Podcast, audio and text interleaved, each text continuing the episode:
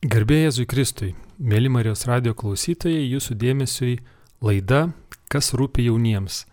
Kaip ir kiekvieną trečiadienį, kalbame apie tai, kas rūpi jauniems ir dažniausiai e, Marijos radio studijoje jauni žmonės ir kalba apie tai.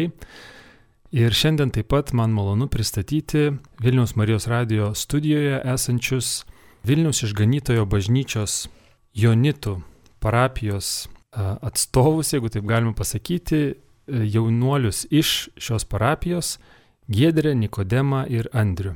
Sveiki gyvi. Labas. Sveiki. Labas. Ačiū, kad atėjot į Marijos radijos studiją ir artėjame prie ypatingo laikotarpio visų šventųjų iškilmės ir po jos vėlinių dienos ir ištiso vėlinių aštuondienio kuomet melžiamės už savo mirusius artimuosius, prisimename juos ir turime trištesnę tokią progą pagalvoti apie mirtį. Tai apie tai šioje laidoje ir kalbėsime, dalinsimės ir svarstysime, bet visų pirma, galbūt galėtumėt e, pristatyti savo parapiją, e, Jonitų parapiją, kokia ji, vis tik girdi mus visa Lietuva, Jonitų parapija yra Vilniuje, tai kaip jūs nupasakotumėt, kokia ta parapija ir galbūt ką jūs joje veikėt? Tai aš iš tikrųjų pirmą kartą, kai atsiradau Jonituose, tai aš ten apsigyvenau. Ten Jonituose yra vaikinų bendrabutis toks nedidelis, kuriame gali gyventi studentai. Tai mano pirma pažintis įvyko tuo metu.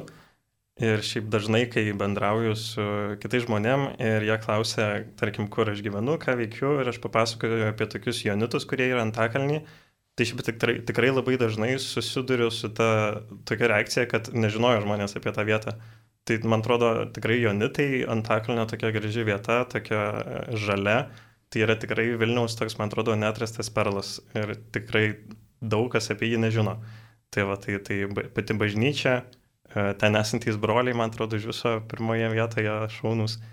Tai man atrodo tikrai labai daug kam vertėtų ateiti sekmanį mišiuose ir, ir susipažinti su tą bendruomenę, kuri labai yra šilta. Ką manot jūs, draugai? Taip, ačiū Andriui. Ir ką draugai? Draugai. e, tai Mano pažintis su jaunitais buvo iš tikrųjų gana vėlai, tik tai po studijų, nes lygiai taip pat kaip Andrius minėjo, kad galbūt daugelis net nežino šitos vietos. Iš tikrųjų, galbūt dėl to, kad dažnai maišosi jonitai, išganytojo bažnyčia, arba tiesiog e, yra populiaresnės galbūt vietos kaip gailestingumas, ta pati katedra ir taip toliau. Tai šiuo atveju buvau pakviestas vadovauti Adoramus chorui, tiksliau perimti, pavaduoti jo vadovą ir tokiu būdu buvau e, prisijungęs prie šitos bažnyčios. Tai iš karto pasijuto tas artimas ryšys, dėl to buvo labai jauku ir gera iš tikrųjų. Tiek dėl savo architektūros, tiek dėl pačių žmonių, tai dėl to labai, labai jauku. Gedrė. O aš atsidūriau Jonitose gal prieš kokius keturis metus, e, dar tada būdama studentė, tai tiesiog gavau keletą prašymų pasavanoriauti ten taize vakaruose, paskui dar buvo kažkokie keli jaunimo susitikimai, tai aš tiesiog keletą kartų atėjau padėti, o paskui gavau kvietimą savanoriauti Mardasavo šeimų festivalyje. Tai buvo tokia jau pirma rimtesnė draugystė, bičiulystė su jonitais, su jų pažinimu. Ir šiais metais, šią vasarą, jau buvusią vasarą, manęs paprašė šitame šeimų festivalyje būti atsakingai už savanorius. Tai vat, tie va tokie praeiti metai buvo intensyvus, dirbom kartu ir su, su broliais, ir su sesėm, ruošiamės tam festivaliui. Tai kažkaip, aš sakau, buvau, buvau kitoje bendruomenėje, bet tiesiog mūsų bendruomenė jau, jau užaugo, jau išėjo, išėjo į, nu, į platesnius vandenius, kaip aš sakau, į kitas bendruomenės, tiesiog ir dėl amžiaus, bet vis tiek tu, tu kažkur nori prisiglausti, kažkur nori, nu, nenoriu eiti vienas, noriu ieškoti tos bendrystės, tai e, kažkaip labai jaučiausi ramiai čia atsiradusi ir va taip. Viskas, aišku, dar tikrai labai labai kelyje, bet e, nu, jaučiuosi tame rami ir labai gera jausti, kad mm, Jonitose kad ir kaip tu būsi, bet vis tiek pirmoji vietoje visada bus malda. Ir tą labai stipriai jauti iš brolių. Tai man atrodo, kad čia be šito pamato negali gyvuoti sėkmingai bendruomenė, o ten tu labai tą stipriai gali jausti. Tai va. Šiaip man tokia mintis dabar šovė, kad visi, kai galvoja apie Antakalnį ir apie bažnyčią, tai turbūt pirma mintis šauna Petro Povilo bažnyčia. Visi pravažiuoja žiedą, visi žino, labai garsi bažnyčia. Bet toks faktas yra, kad e, išganytojo bažnyčia yra to pačio architekto suprojektuota. Tai va, tai čia irgi tokia reklama. Tikrai apsilankykit, labai graži vieta, labai gražus vidinis kiemelis. E, tai, tai tikrai kviečiam. Šiaip dar intarpas mano pirma pažintis tai buvo 12 klasiai, e, kai mane viena mokytoja pakvietė atvažiuoti į tą bažnyčią ir aš ten aišku nuvažiavau su, su taksi ir aš ten per daug nežinau, kur važiuoju, nu atėjau gražu, gražios mišos atvažiavus iš, iš mažo miestelio, bet aš neprisiminiau, kur tai yra. Ir paskui, kai aš, sakau, pakvietė tenais ateiti draugai pasavanoriauti, atvažiavau galvoju, kodėl aš žinau, kodėl aš žinau? Ir tada, ai, aš čiagi bus. Ir tada, ai, tai čia jo ne, tai, nu, vienu žodžiu, va, vis tiek viskas gyvenime taip susisuka įdomi. Taip, čia iš tikrųjų galima pareklamuoti ir, vad kaip paminėta, Petro ir Povilo bažnyčia, kur daug turistų važiuoja ir jeigu į Faustinos namelį kas nors nori užvažiuoti, tai jauni, tai pakeliui. pakeliui.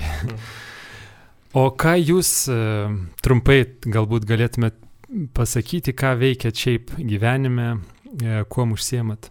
Nu, jeigu išlaikant tą pačią eilutę, galiu pradėti, kad aš esu, baigiau teisės fakultetą, e, šiuo metu dirbu mokesčių konsultantu, nes mano specializacija buvo mokesčių teisė, tai mano didžiąją laiko dalį užima tai.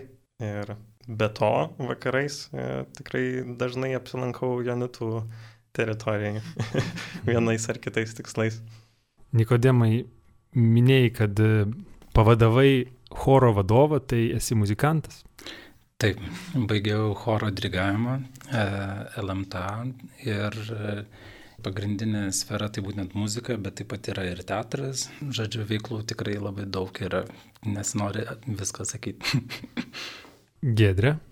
Ką tik apie Nikodemą sužinojau, kad jisai yra su teatru susijęs, tai bus labai įdomu mhm. išgirsti. Pakalbėsim po to. E, nes aš, ir, aš irgi baigiau teatrą, baigiau irgi LMTA kaip Nikodemas, baigiau vaidybos specialybę, dirbu teatre, spektakliuose, dabar aišku dėl karantino viskas yra kiek suvaržyta, kiek pakitę, bet kai nedraudžia suvaržymai, tai vaidinu spektakliuose, dirbu prie filmavimų ir aikštelėje dirbu ir kaip aktorė, kartais dirbu tokį ir nematomą transkriptavimo darbą, tekstų paruošimą filmam. Dirbu taip pat su vaikais, dirbu ir darželėje mažutėliai, tai čia yra irgi katalikiškas E, vaikų darželis e, Jeruzalėje ir taip pat dirbu įvairiose edukacinėse veiklose su vaikais, teatro stovyklose ir va taip. Ačiū už e, pažinti šią laidos pradžioje. Visiems Marijos radio klausytojams, manau, įdomu išgirsti, kas šneka, kokie žmonės yra studijoje. Ir vėlinės, ši, šios dienos vėlinio oktava, E, vėlinės, prieš tai visų šventųjų iškilmė. Tokia ypatingas laikas ir e, dažnai žmonėms turi, žmonės turi savotiškas asociacijas susijusias su šiuo laiku, lapkričio pradžia. Kuo jums, su kuo asocijuojasi vėlinės ir šitas laikas, kuriame esame? Aš turbūt e, daugelis, kaip ir kitų studentų, kurie atvažiavę į Vilnių iš, iš kitų miestelių, Tai pirma mintis yra grįžimas namo, grįžimas pas tėvus, tenai laiko praleidimas ir, žinoma, toks neišvengiama turbūt neužsukti į kapus. Tai, tai, tai turbūt irgi vienas iš tokių esminių atributų, kuriame, man atrodo, reikėtų matyti ne tik tai žvakutes, ne tik tai gražų vaizdą vakarę nuėjus pasivaikščioti, bet ir malda, malda už užmirusius, tai man atrodo tokie pirmos mintys, kurios šauna į galvą.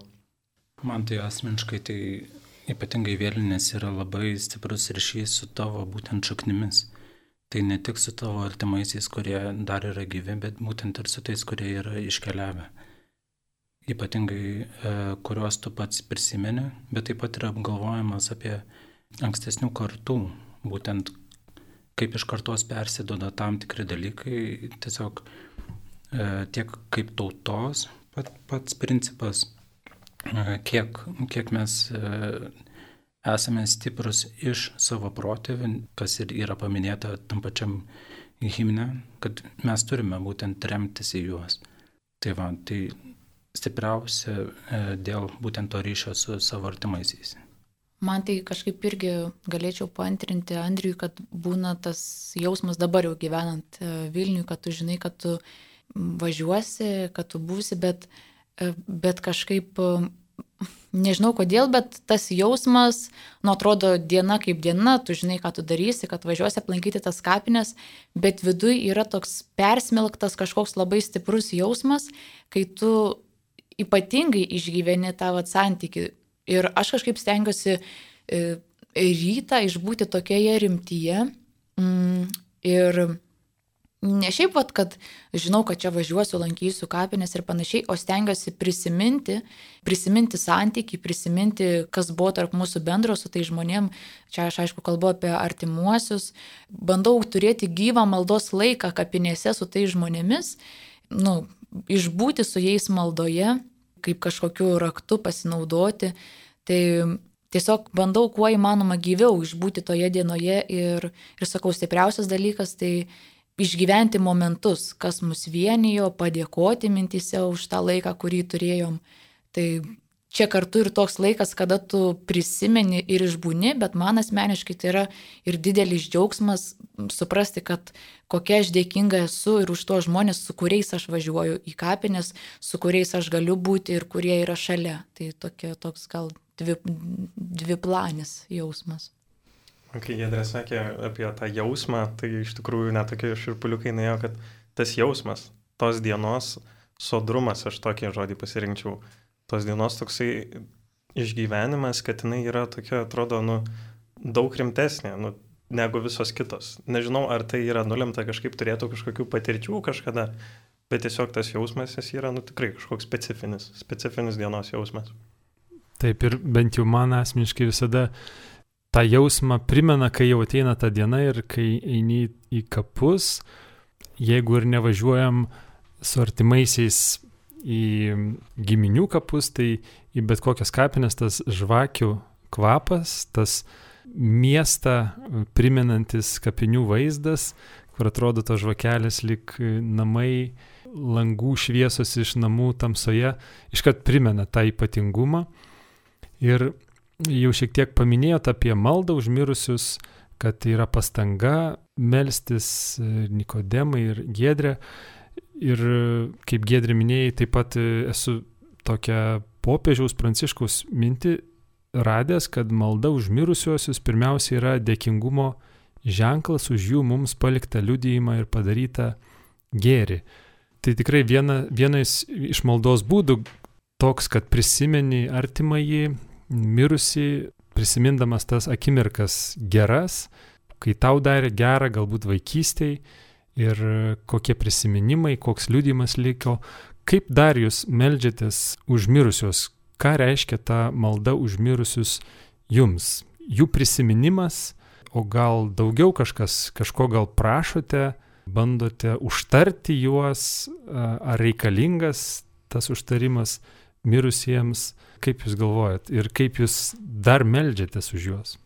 Aš tai nueidama iš kapų e, mėgstu pasakyti tokį, kad e, viešpatė žinau, kad tu matai jų veidą, kad tu matai jų širdį ir tikiuosi, kad jie mato tavo veidą. Tai čia prieš kelis metus man toks atėjo, kad meldžiu, kad, kad tas žmogus, tas išėjęs žmogus matytų viešpatės veidą, kad susidurtų su juo, kad meldžiuosi už tai, kad jisai būtų ramybėje, kad ta amžinybė, kurią jis jau išėjo, kad nepaisant to, koks buvo gyvenimo kelias, kad dabar jis būtų veidų į veidą su viešpačiu.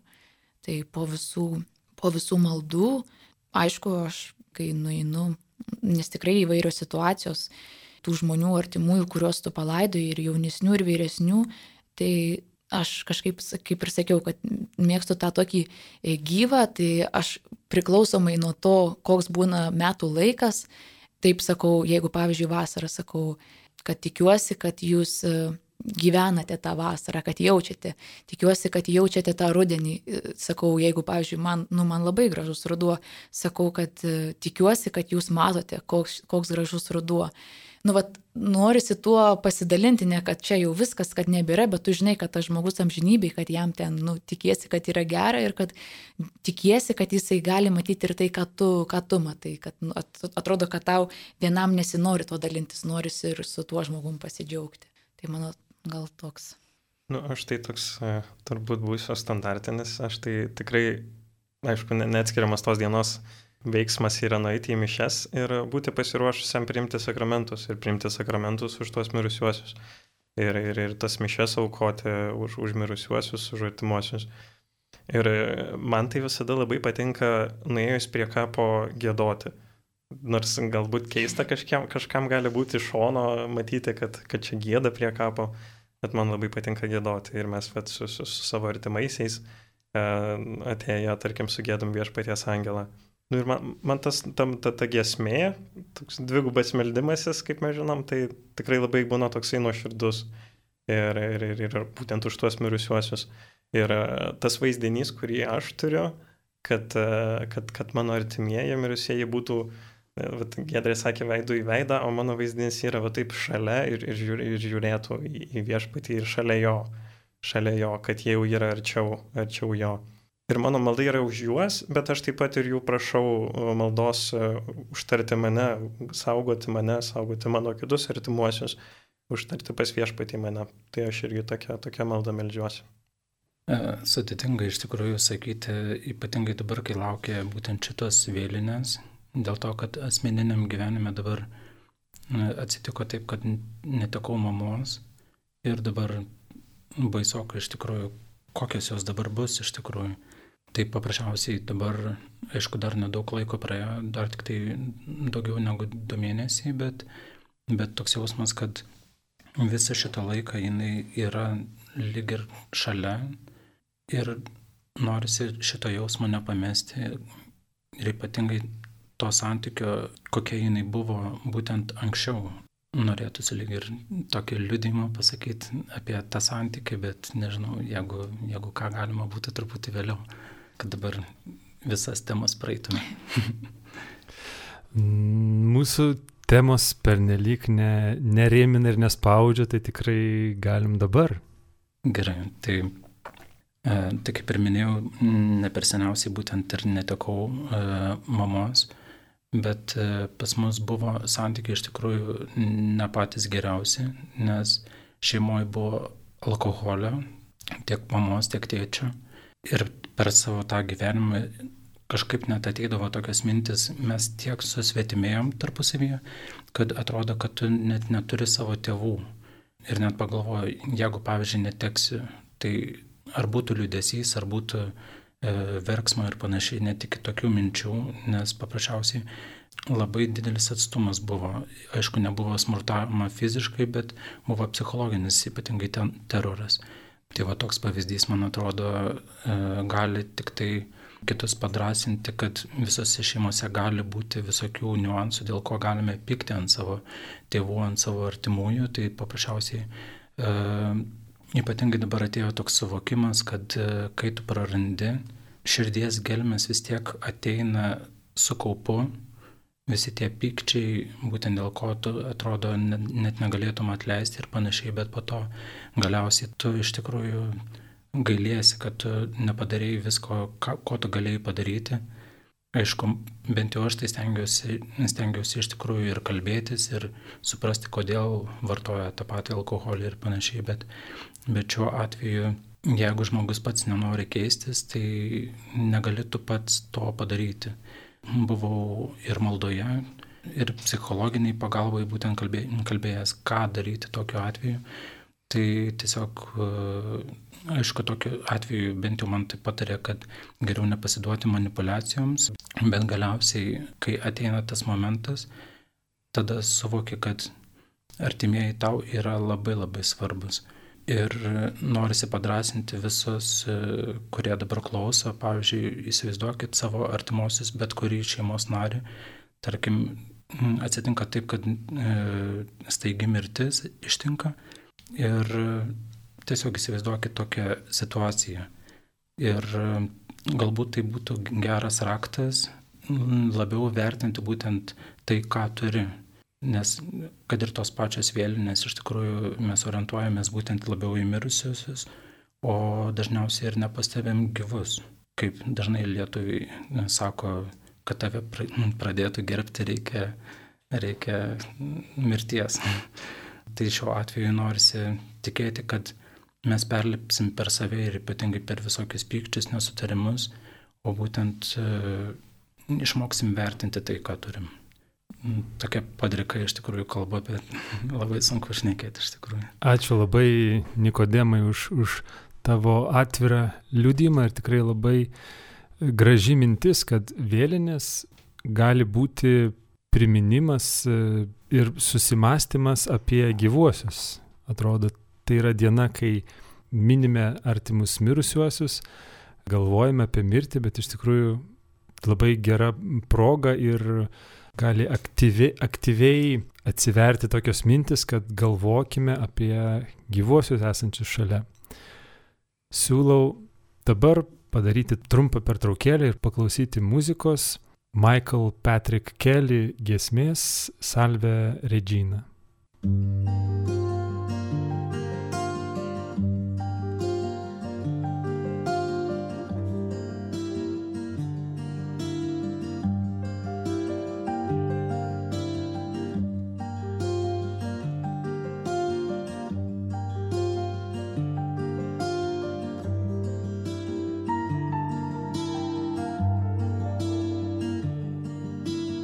사랑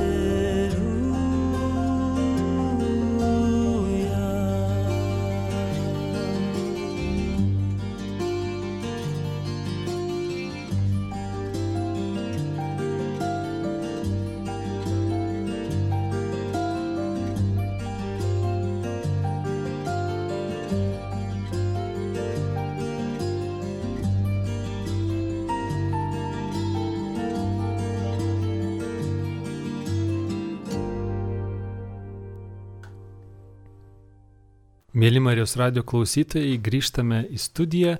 Šiandien, kas rūpi jauniems laidoje, kalbame su Giedrė Nikodemu ir Andriumi iš Vilniaus išganytojo Jonitų bažnyčios e, apie vėlinės mirusiųjų minėjimo dieną. Ir laidos pradžioje jau nuskambėjo tokios mintis, kad tai yra šis laikotarpis, vėlinio oktava yra gera proga prisiminti ir melstis už savo mirusius artimuosius, taip pat susimastyti apie šalia esančius gyvuosius, stengtis branginti tuos, kuriuos dar turime, bet taip pat e, ši diena galbūt yra gera proga pagalvoti, susimastyti apie mirtį apskritai arba apie savo paties mirtį. Ar jūs susimastot apie tai, ką galvojat apie mirtį, ar mirčiai reikia ruoštis, kaip reikia ruoštis, nuo kada pradėti pasiruošimą. Čia yra kas rūpi jauniems laida, esam visai dar jauni, sakyčiau, tai ar laikas tokiu metu galvoti apie tai ir kažkaip ruoštis, ką apie tai galvojat? Aš tai iš tikrųjų irgi esu taip gana artimai susidūręs su mirtimi mano mama taip pat irgi yra jau iškeliavusi pas viešpatį, bet tai vyko jau daug seniau, net dabar jau yra 8 metai daugiau. Ir aš atsimenu iš, iš, iš viso to laiko, kad uh, mamos žodžiai būdavo, kad uh, tikrai nesu pasiruošus ir kad tikrai, uh, kad noriu dar gyventi. Ir, ir man tai vieni yra iš tokių vis dar likusių labai liūdnų dalykų iš, iš mamos mirties, kad jinai tikrai labai norėjo gyventi, nes jinai kovojo su lyga Ir, ir, ir paskutiniu metu jau buvo aišku, kad, kad mirtis ateina ir, ir kad jau nebeišvengiamai yra. Tai e, aš galvoju, mano mamai tuo metu buvo e, apie 45 metai ir, ir, ir tuo metu jinai nenorėjo mirti ir, ir, ir tikrai nebuvo pasiruošusi. Ir niekas negalvojo, kad ateis toks laikas, kad tu gali tiesiog numirti. Tu dirbi savo darbus, e, augini vaikus ir va vieną dieną tau nutinka ir pokšt. Ir, ir, taip, ir, ir iš niekur nieko, man atrodo, visą tai ateina.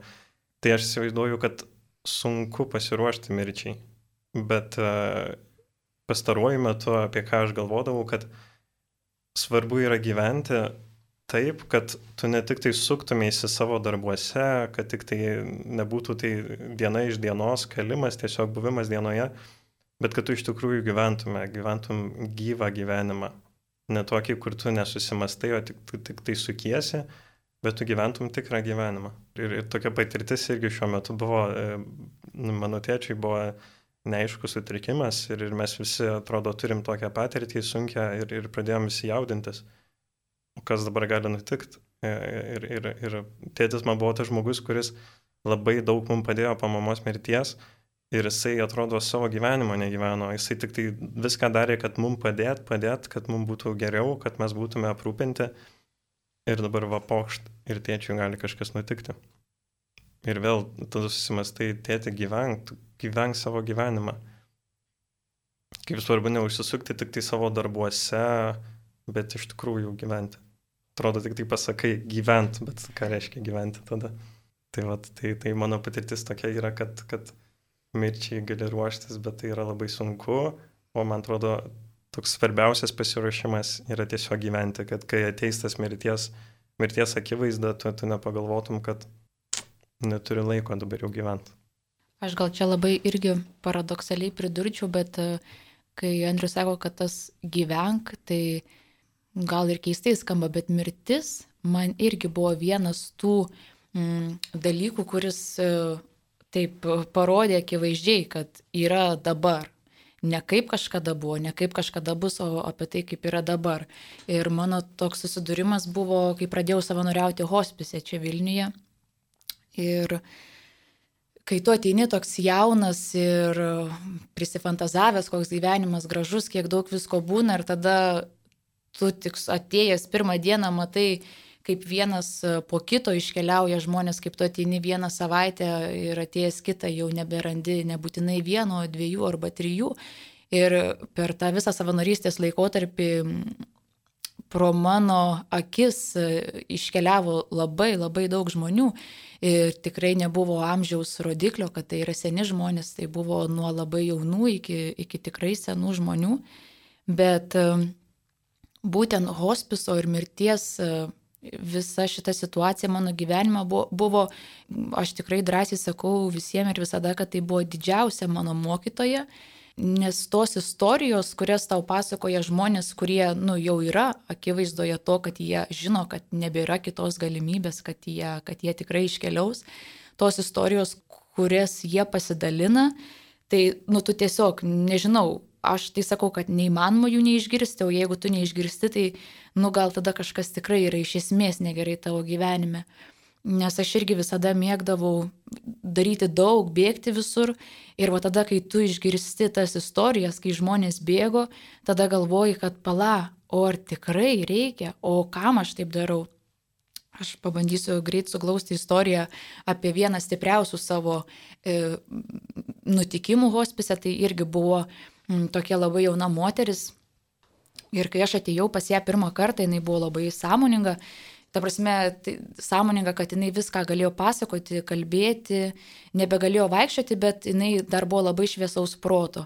Ir aš atsisėdau ant žemės prie jos, ant lovos ir aš pradėjau nu, įvairių klausimų klausti, juk tu aišku, kad tu pradžioje neklausai apie tai, nu, nu ką dabar daryti tu bandai kažkur nukreipti tas mintis ir aš atsisėdau prie jos ir sakau, o žiūrėkit, sakau, o, o jeigu tai paimam, kad nėra tos lygos ir sakau, va dabar viskas, nu, nu, tiesiog viskas yra gerai. Ir jis sako, oi, sako, taigi viskas būtų kitaip. Ir aš sakau, ka, kas kitaip? Sako, sako, aš žinau, sako, čia man tai atsitiko todėl, kad, sako, aš visą gyvenimą m, mm, žiauriai daug dirbau. Ir esminis sakinys, kurį jinai pasakė, nes manau, kad labai daug jaunų žmonių turi šitą jausmą, jinai pasakė, aš niekada negalėjau palikti savo darbo, kad padarytų kažkas kitas. Sako, aš žinodavau, kad aš turiu uždėti tą paskutinį pažiūrėjimą, kad gal kažkas padaro, bet, nu, aš vat vis tiek dar užbaigsiu, nu, dar tą taškiuką padėsiu, nes, nu, aš žinau, kaip reikia padaryti. Sako, aš visą, visą gyvenimą turėjau šitą jausmą. Ir sako, aš netostogaudavau, nes, nu, sako, man būdavo tiek daug atsakomybės, Nu ir sako, žinau, kad tas darbas mane sugraužė. Ir tą apie darbą sugraužys jos gyvenimą, sako man jauna moteris. Ir aš jai sakau, o tai gerai, sakau, jeigu va dabar, nu, nėra tos lygos ir sakau, jūs galite rinktis, sako, tai gyvėtų, sako, aš visai, visai, sako, būtų kitaip, sako, ašgi būčiau gėlininkė. Ir aš taip, mane taip sukrėtė ir aš sakau, nu tiesiog toks, min, minčių balaganas galvoju ir taip galvoju, tai pala, o tai kas neleido būti ta gėlininkė. Ir aišku, ateina visi racionalūs paaiškinimai, statusas, kurio iš tavęs reikalauja artimieji ir kiti žmonės, e, alga, kad tu galėtum pragyventi ir tu čia savo viską galėtum leisti ir daugelis kitų dalykų. Bet tas mane atstumė nuo to, ką aš iš tikrųjų trokštų daryti. Ir kai jinai man pasakė šitus žodžius, aš buvau tada labai tokiam dviejonių etape savo gyvenime. Aš buvau įstojusi į magistro studijas, kurios man labai labai nepatiko, bet aš jaučiau labai tokį, nu, vat, žmonių, kurie žiūri į mane, kad tu, tu turi padaryti iki galo. Nesvarbu, kad tau nepatinka, nesvarbu, kad tu blogai jautiesi, bet yra toks, nu, va, kad tu turi padaryti, ką kiti pasakys. Ir kai jinai man pasakė šitą dalyką apie gėlininkę, aš nusprendžiau, kad palaukit, niekas iki galo, kad ir koks artimas žmogus, to vidinio grūdelio iki galo nesupras. Suprasi tu ir Dievas. Ir jeigu yra kažkoks širdies krislas grūdas, kuris tau neduoda ramybės, kuris tau labai skauda, tu turi jį keisti. Ir aš tada pasakiau, kad Gedri, tu šitoj situacijai gali rinktis arba būti E, tame buhalterės statuse, kur tu matai kitus, matai gerą algą kažkada ir panašiai, ar tu matai gėlininkystę ir save laimingą. Ir aš po šitos e, susitikimo, nu, nuėjau kitą savaitę pas tą pačią moterį, buvo praėjusi lygiai savaitė ir jinai jau buvo visiškai nebesąmoninga, jinai nebekalbėjo ir sekančią dieną jinai iškeliavo. Ir aš e, išėjus iš hospiso, sekančią dieną nuėjau ir pasirašiau dokumentus, kad aš išeinu iš tų mokslų Ir tada dar keletą darbų atsisakiau, kurie buvo priimti tik dėl to, kad, nu, vat, statusas, kad tu čia turi daryti, turi būti veržlus ir žiauriai daug daryti ir žiauriai daug visiems įrodyti, nesvarbu, kaip tu jautiesi savo vidui. Tai vad mano dabar pasirinkimuose, kai aš kažką darau, aš savęs klausiu, ar aš gėlininkė, ar aš ta, kuri turi įtikti. Tai labai kažkaip sakau, atliepia su tuo, ką Andrius pasakė, atrodo, nu, kas čia ta žodis gyvenk, nu, bet jis yra apie viską. Ir apie tai, kaip mes gyvenam, ir apie tai, ar mes matom esančių šalia, ar mes e, darom tik dėl daugelio pliusiukų, kad kažką gyvenime įrodytumėm, kad mes esam nepakeičiami ir kad mes e, visur esam geriausi, tobuliausi ir labai labai daug visko darom, kad, nu, vat, mūsų nieks nesustabdys. Bet mirtis toks dalykas, jisai sustabdys bet kada. Tai jau geriau rinktis mažiau, su, su meilė pagalvoti, bet, nu, vat, turėti to gyvenimo apstaus, o ne pralėkti ir kažkam kažką įrodyti. Visiškai sutinku su savo e, kolegom, draugais. e, tai su viskuo sutinku, bent jau ką aš darau, ypatingai pastaruoju metu, tai visų pirma, praėjus kiekvienai dienai tiesiog padėkoju Dievui, kad galėjau būtent nugyventi ir tokiu būdu galima savotiškai ruoštis tai mirčiai, nes jeigu tu pajauti tos dienos svorį, ką tu padarėjai, ką tu gero ypatingai padarai, net ir elementariausia kažkieno šypsena, praskaidrinamas dienos ir panašiai, tai man atrodo, tai veda prie to, kad e, ne veltui mes darom tai, ką darom, tokie paprasti dalykai. O tarkim, Andrius e, irgi savo mamą paminėjo, dar pridėsiu, kad maniškė tai buvo taip, kad jinai labai aukojo save, e, jokios karjeros nesiekė gyvenime mes buvom keturiese šeimoje ir tokiu būdu jinai praktiškai pašventė savo gyvenimą būtent e, mūsų užauginimui, po to slaugai e, savo mamos, savo brolio ir taip toliau. Tai tiesiog viskas per rūpestį, bet atrodo, ko tu iš ties nori gyvenime. Ar tiesiog rūpintis kitais, ar, ar kažkas yra, ko tu dar ne, netradai. Tai man čia buvo tokia mistika, ar tikrai žmogus nugyveno tikrai savo gyvenimą. Tai dėl to norisi palinkėti, kad kiekvienas atrastų, ypatingai per maldą, kad žmonės turėtų tą savo atrastą kelią, nes gėlininkų būti geriau negu, e, negu kažkieno kitą gyvenimą gyventi. Taip ta mirties akivaizda, ar artimojo, ar, ar kaip Gedri pasakojo, galbūt ir svetimo žmogaus, bet uh, esančio mirties akivaizdoje padeda kažkaip susimastyti apie tą gyvenimą ir net kažkokius sprendimus, priimti, kažką keisti. O ar jūs bijot mirties, apie savo mirtį kalbant, kai susimastot, ar jums baisu? Baisu ir dalintis, baisu ir pagalvoti. Man iš tikrųjų, turbūt kaip ir daugeliu jaunų žmonių, net nelabai ne, ne susivokia, kad gali ateiti toks momentas, kad tu numirsi. Man, man iš tikrųjų tai yra labai retai ateina į galvą, nes dažniausiai galvoje yra, mhm, tai rytoj reikia tą darbą padaryti, aha, tai reikia su tuo susitikti, mhm, už dviejų savaičių dar tas laukia. Tai didžiausia, kas yra galvoje, tai, tai planai, e, veiklos ir panašiai. Tai iš tikrųjų net apie tai nepagalvoju. Bet jeigu pagalvočiau, aš manau, kad taip. Baisu. Bet Aš gal čia šitoje vietoje nuskambėsiu keistai, bet man kartais būna smalsu. Kam galėtų nebūti smalsu, kas, kas, kas yra po mirties. Tai va, tai, tai sunku kalbėti, sunku galvoti, kaip jausiesi, kol, kol tu to nesi patyręs ir, ir, ir kol tu pats vat, ne, ne, nebuvai toje akivaizdoje. Tai, tai tikrai sunku atsakyti. Aš tai iš savo tos lėkimo patirties e, tokių daug, nežinau kaip čia pasakyti, E, nenoriu sakyti susifeilinimų, bet, nu, nepavykusių dalykų, kurie turėjo įtakos mano sveikatai ir tokių nemalonių atsitikimų, kai teko gulėti toj ligoniniai ir ne, ne po trumpą laiką, e, nes irgi va, tada norėjusi bėgti, norėjusi čia visur būti. Ir kai tau kažkas viduj, va taip pagenda ir sako stok, tada ir ateina, oi, bet tai taip norisi dar tą daryti, dar tą. Ir sveikata vienintelis dalykas, kuris, nu, šiaip tave sustabdo nuo to, ką tu nori daryti. Tai kai man vat, buvo keletas tas tokių, nu, sunkesnių, rimtesnių kartų, mm, tu nori, nenori, sakai, o tai gerai, nu, aš čia ne visagalis, nu gerai, aš čia nieko nepadarysiu. Dieve daug sveikatos daktaram, kad jie surastų, suprastų ir padėtų, kas tenais kas tenais per bacilą atsirado ar dar kažkas, bet tada tu, tu tikrai savo pasakai, kad eik tu savo, bet dar kiek visko noriu padaryti. Tai jeigu atsakant į klausimą ar baisu, tai vat, tais atvejais keliais buvo labai baisu.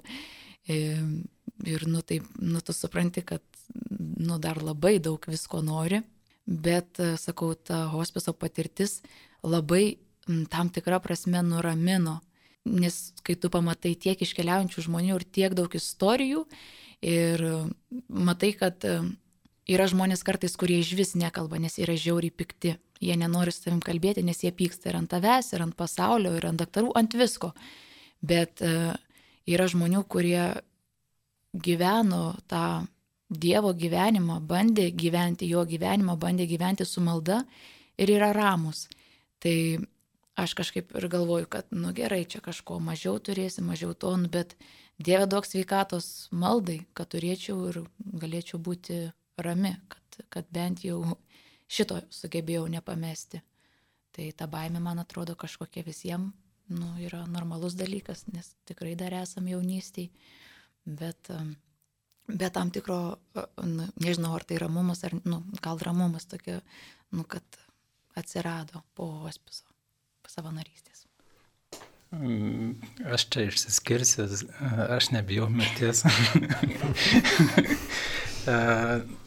Kažkaip galvoju, kad Aišku, tu planuoji, būtent, tarkim, aš noriu gyventi, tarkim, 90 metų, nu, nu tikrai būtų faina, e, būtent jeigu tu galėtum dar būti jaunatviškas net ir tame amži, am, amžiuje, bet aišku, viskas Dievo valioje, tai šiuo atveju kažkaip norisi pasitikėti Dievu, būtent jisai geriausiai žino kiek mums lemta yra būti šioje žemėje ir kada mes galėsim pamatyti savo artimuosius e, ir panašiai. Tai tiesiog norisi iš savęs daryti viską, ką gali, bet visiškai ir pasitikėti Dievu būtent pagal jo planą, nes nu, ne viskas mūsų valiai. Nu, kartais būna, kad žmonės pasirenka, bet geriau to nedaryti. Man asmeniškai labai š, kažkaip šviesiai nuskambėjusi yra brolio Rože, teze bendruomenės įkūrėjo mintis, kuri gal, nežinau, pati savaime nėra kažkokia labai ypatinga, bet galbūt turint omeny šitą žmogų ir jo nuveiktus darbus, jis, jisai pasakęs yra, kad šiaip kaip ir norėčiau mirti, kaip ir, kaip ir laukiu, bet labai myliu gyvenimą. Kažkaip, kad ir to, ir to. Nes tas laukimas mirties gali būti toks, kartais žmonės sako, kad jau norėčiau mirti ar pavargau gyventi, vad gal taip labiau tokia apatija gyvenimui, tas mirties laukimas. Arba atvirkščiai, mirties baimė ir toks įnikimas į gyvenimą, bėgimas. O to, toks atrodo ir to, ir to, kai žmogus ramiai nori arba kažkaip ir to, ir to džiaugiasi, taip įkvepia, bet iki to kažkaip atrodo labai toli tokį nuoširdų suvokimą turėti. Čia buvo minėta apie pasiruošimą, mirčiai, šiek tiek kalbėjom apie nežinojimą, kada mirsim. Ir va, visų šventųjų litanijoje e, yra tokia frazė - nustaigios ir netikėtos mirties gelbėk mus viešpatė. Tai jeigu tą apie mirties būdą gal esat susimastę, kaip norėtumėt mirti arba kaip būtų mažiau baisu, atstaigiai ar kažkaip vat, pasiruošti, kažkaip atsisveikinti, žinot, galbūt sirgti, vat, kaip hospiso pavyzdys, kad, kaip Gedrė sakėjai, žmonės žino, kad mirs. Tai nėra staigi ir netikėta mirtis. Bet vat, litanijui melžiamas, kad gelbėtų nuo tos staigios ir netikėtos mirties. Jo, man atrodo, va, taip litanijui melžiasi dėl tos staigios ir, ir, ir, ir netikėtos mirties, bet uh, Mano patirtį mirtis e, mamos buvo žinota buvo ir, ir, ir, ir eita link to. Tai, nu, tai irgi nėra kažkaip lengviau. Tai, tai nė, nė, nėra. Tai vis tiek yra sunkus labai procesas, ypač jeigu jisai būna ilgas, tai, tai yra sunku. Sunku, tai iš tikrųjų net, net nežinau, kurį norėčiau aš pasirinkti pats. Bet e, jeigu būtų toks pasirinkimas, tai man svarbiausia būtų, kad e, šalia manęs galėtų būti mano artimiausi žmonės.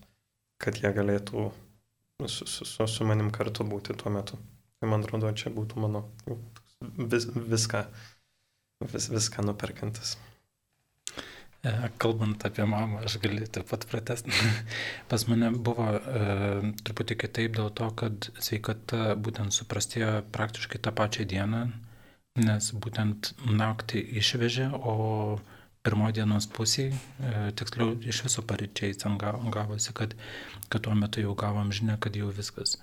Tai galima sakyti, kad nu, lyg ir galėjai ruoštis, prasme, tos kelias valandas e, dar spėti aplankyti, bet asmeniškai tai net nespėjom būtent su savo sesėm suorganizuoti nu, nukeliavimą būtent į, ligo, į ligoninę, kai jau gavom žinią. Tai šiuo atveju norisi tikėti, kad tai nebuvo skausminga, nebuvo tas, e, tas nemalonus kentėjimas. E, tai bent jau aš asmeniškai jau geriau tada geriau, geriau staigiai, bet neskaudėtų. kad ir kaip tai keistai skamba, bet e, kaip ir minėjau prieš tai, kad gyvenk taip, kad tau nereikėtų po to ieškoti laiko atgailai, tursime, kai kiekviena diena tavo yra išpildyta, tai man atrodo, per tai galima tada e, ir nebijoti to, tos taigios mirties. Tada natūraliai viskas ateina. Nu, čia toks klausimas, kad atrodo labai sunku prifantazuoti, sugalvoti. Aš toj pačioj patirtį savanorystės mačiau labai labai ilgų ir sudėtingų keliavimo į amžinybę kelionių. Tai turbūt jas buvo daug sunkiau matyti, kai žmogus tiesiog, nu, ten būdavo, kad ir mėnesiais kankinasi nežmoniškam skausme, bet tokiam, kuriam nu, nei medicina, nei vaistai nėra pajėgus tau padėti. Tu tiesiog turi išbūti.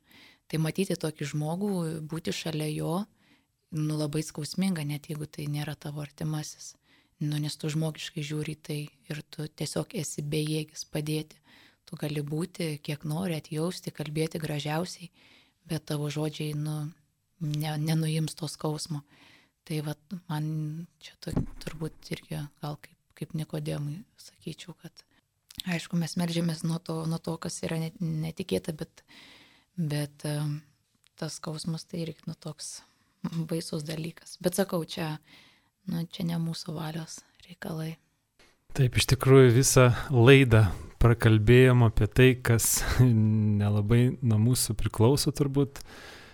Na, aišku, priklauso, kaip renkamės gyventi, bet mirtis kažkai, kažkas didesnio, tai bet labai įdomu buvo su jumis pakalbėti. Ačiū labai už nuoširdžias mintis ir asmeniškus nuoširdžius liudijimus. Ir laidos pabaigoje, žinoma, čia nėra, nėra ta šventė, kur kažką įprasta linkėti, bet e, vis tiek šioje vėlinių oktavoje, ko, nežinau, kokių minčių ar nuotaikos ar vilties palinkėtumėt savo ir ir klausytojams. Man tai kaip tik atrodo, kad apie mirtį tema, bet e, mes daug e, pakalbėjom apie gyvenimą.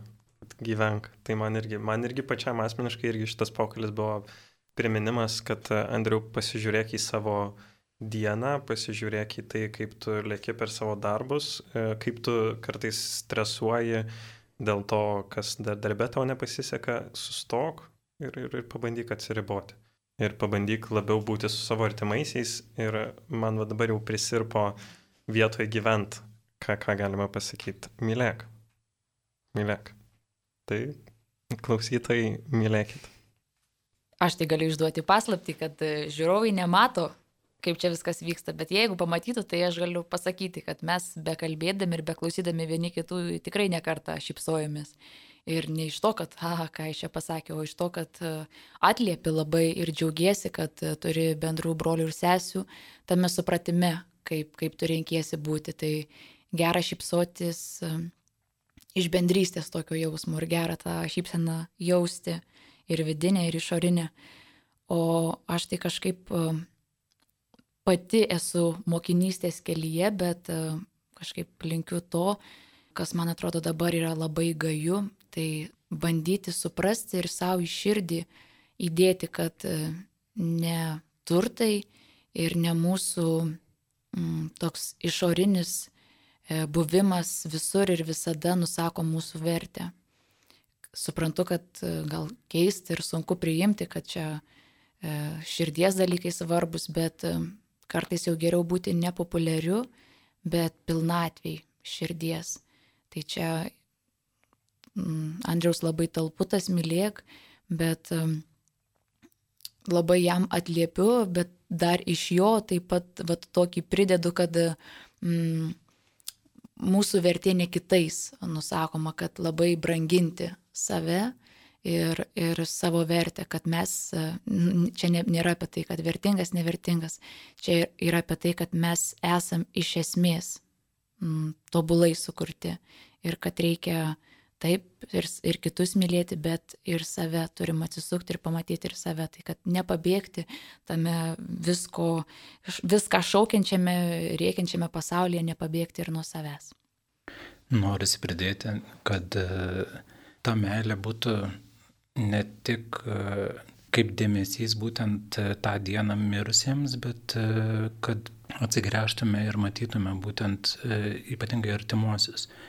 Būtent supratimas, kad mes esame šio gyvenimo būtent svečiai, gali nuraminti, kad išeis mūsų artimieji, išeis, išeisim mes, aišku, mūsų gėdės, nu gal kažko negėdės, bet norisi tikėti, kad žmonės pasidarytų išvadas ir tiesiog labiau matytų savo artimus dabar, o ne po mirties kas matosi ypatingai pas vyresnius žmonės, kad jie labai daug pastangų deda ypatingai į kapų tvarkymą ir panašiai.